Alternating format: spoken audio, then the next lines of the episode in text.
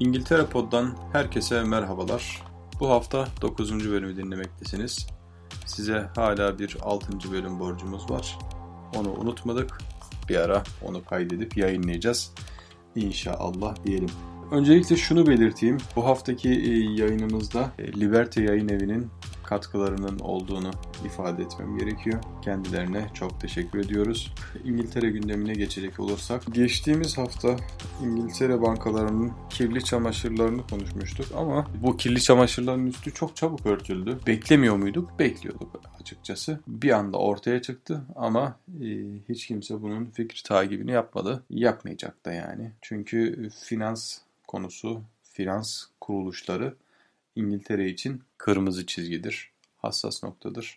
Onların zarar görmemesi gerekiyor. Aslında birçok e, ülke için böyledir. Ama hani bu kadar sıkıntılı şey ortaya çıktıktan sonra da hani bunun peşinin bir anda bırakılması, herkesin bir anda unutması ve kamuoyuna bunun unutturulması ya da kamuoyunun bunu kanıksaması her yerde olan bir şey değil. Onun haricinde Brexit ile alakalı biraz konuşalım. Bu hafta genel olarak koronavirüs konuşacağız. İngiltere genelinde, daha doğrusu Birleşik Krallık genelinde koronavirüsün yayılması, buna karşı devletin ya da işte otoritelerin aldığı tedbirler, yerel sokağa çıkma yasakları gibi şeyleri konuşacağız. Bununla birlikte geçtiğimiz günlerde bir polis memuru gözaltı işlemi yaptığı sırada gözaltına almaya çalıştığı kişi tarafından vurularak öldürüldü. Onunla alakalı biraz konuşacağız. Prince Charles onun cenaze törenini yönetti. Koronavirüs salgını başladığından beri kraliyet ailesinden özellikle de Prince Charles ya da Kraliçe Elizabeth biliyorsunuz kamuoyuna görünmüyordu. Çok fazla görünmemeyi tercih ediyorlardı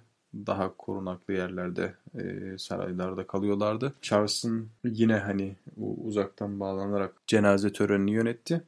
Ama kamuoyuna açık açık görünmesi daha güven telkin etmek için yapılmış bir hareket de olabilir. Bunu da konuşacağız yine. Detaylarına gireceğiz birazdan. Öncelikle Brexit'i konuşalım. Malum Brexit artık ertelendi, ertelendi, ertelendi. Sona yaklaşıldı.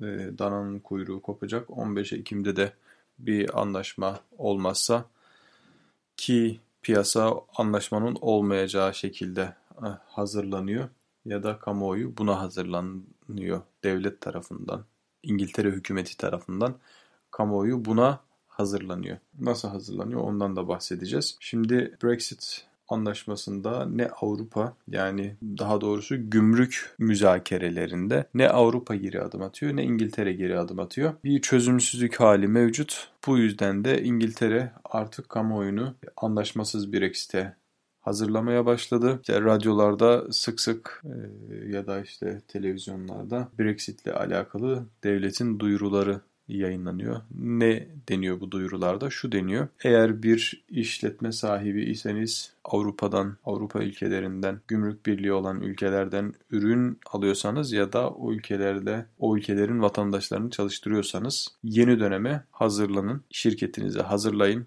Devletin resmi sitesine giriş yapın ve yapmanız gereken güncellemeleri, değişiklikleri öğrenin ve bunları bir an önce yapın ve İngiltere'nin yeni başlangıcına hazır olun. Evet bunu yeni başlangıç olarak ifade ediyorlar.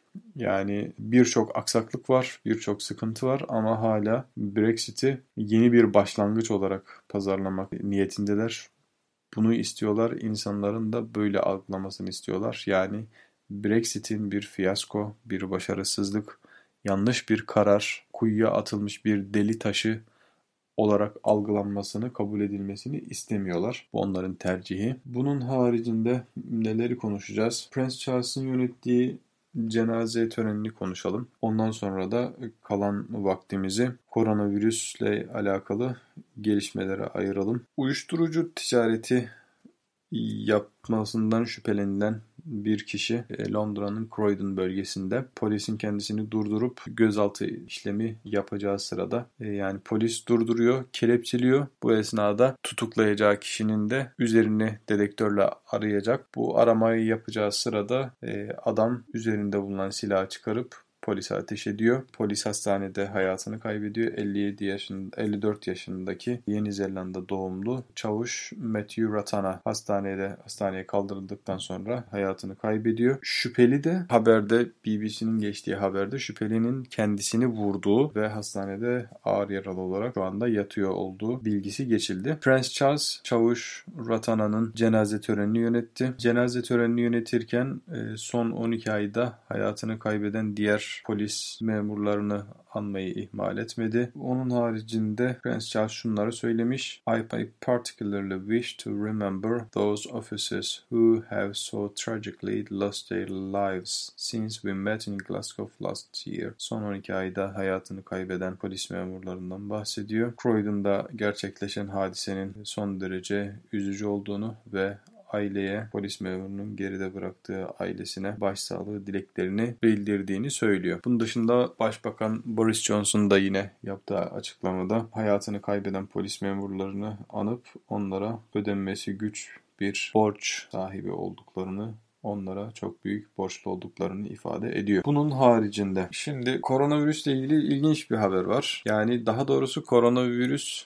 dolandırıcılığı diyelim biz buna. Bir vatandaşın kimlik bilgileri kullanılarak adına sahte bir şirket kurulmuş ve bu kurulan sahte şirketten şirket adına daha doğrusu devlet destekli koronavirüs kredisi çekilmiş. Ee, İngiltere'de hükümet 12 bankayla anlaşarak şöyle bir kolaylık sağladı firmalara. Özellikle koronavirüs e, sokağa çıkma yasağından olumsuz etkilenen, işinin olumsuz etkilendiğini düşünen firmalara şöyle bir imkan sağladı. Verdiği hibelerin dışında. Bir yıl geri ödemesiz, sonra ve faizsiz, bir yıldan sonra geri ödemeye başlanılan ve çok düşük faizli kredi kolaylığı sağlandı. Bu kredi de işletmenin büyüklüğüne göre 50 bin pound'a kadar veriliyordu. Yani e, bu da şu şekilde belirleniyordu. İşletmenin yıllık cirosu ne kadarsa bunun üçte birine kadar kredi çekilebiliyordu. Yani bir işletme benim yıllık cirom 150 bin pound dediğinde banka ona 50 bin pound'a kadar kredi veriyor. Ve bu ilk başlarda özellikle ilk 3-4 ay Nisan ayında duyurulmuştu bu çok fazla istismar edildi ve bankalar da çok fazla sorgulamadı. Devlet destekli olduğu için önüne gelene krediyi verdi. Sonra işin önü alınmaz olunca bu sefer sorgulamaya başladılar. İşte bir önceki yılın vergi beyannamesini talep etmek akıllarına geldi nihayet. Ama birçok insan e, hak etmediği şekilde ve geri öde nasıl geri nasıl ödeyeceğini hiç düşünmeden yüksek krediler çekmiş oldular. Bununla alakalı şöyle bir olay var. Bir arkadaş Mark Telling isimli bir adam 47 yaşındaki bu arkadaşın kimlik bilgileri çalınmış ve kimlik bilgileri kullanılarak bu arkadaş adına bir şirket kurulmuş. Bu şirket adına da kredi çekilmiş. Devlet destekli 50 bin pound çekilmiş. Şimdi bu arkadaş 50 bin pound borçlu parayı alan da tanımıyor. Atalan Üsküdar'ı geçmiş. Şimdi gelelim koronavirüse. Daha doğrusu koronavirüse hali hazırda geldik. İngiltere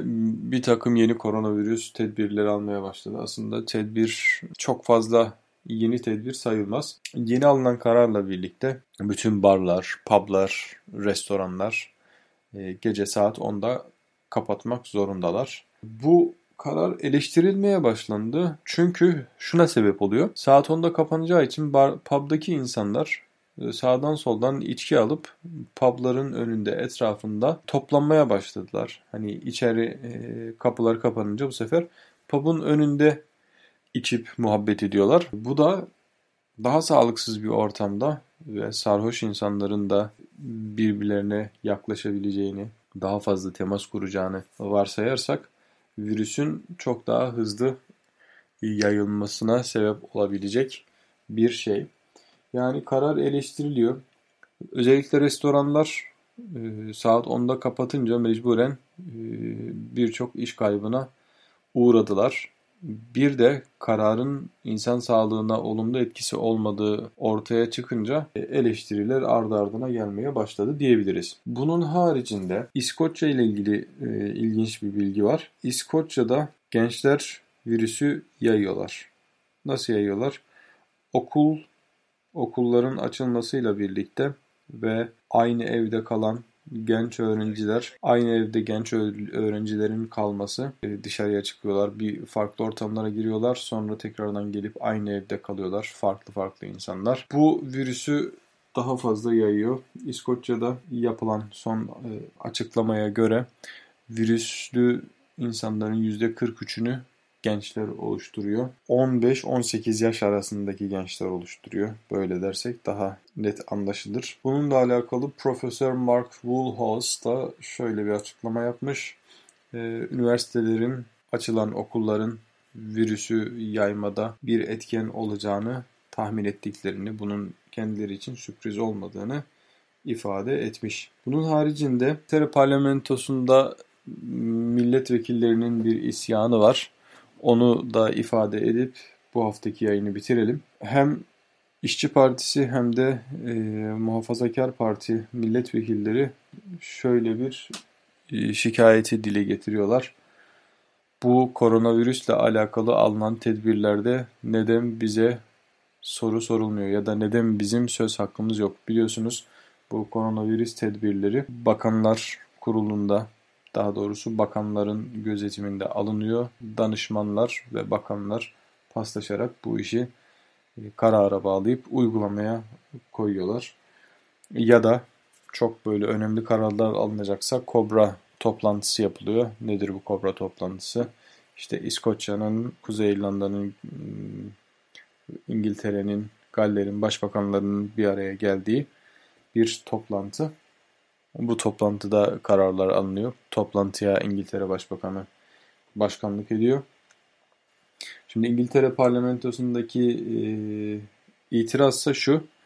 Bu karar aldığınız kararları biz yeterince irdelemiyoruz. Bazılarını desteklemiyoruz. E, bize sorulmadan kararlar alınıyor ve uygulanıyor. E, biz bu kararların alınma aşamasında söz sahibi olmak istiyoruz diyorlar. Ee, bakanlarsa şu gerekçeyle buna karşı çıkıyorlar. Milletvekillerinin söz sahibi olmasına gerçekten istediklerini ve buna saygı duyduklarını ancak e, virüsün yayılmasını durdurmak e, ve daha hızlı müdahale edebilmek için e, hızlı karar alabilmeyi bu yüzden de e, konuyu meclisten dışarıda halletmeyi tercih ettiklerini ifade ediyorlar. Yanılmıyorsam her şeyi konuştuk. Bu hafta konuşacağımız her şeyi konuştuk. E, bizden bu haftalık bu kadar. Haftaya tekrardan görüşmek üzere. Ben Osman Hulusi. Burası Cambridge, İngiltere. Herkese iyi akşamlar.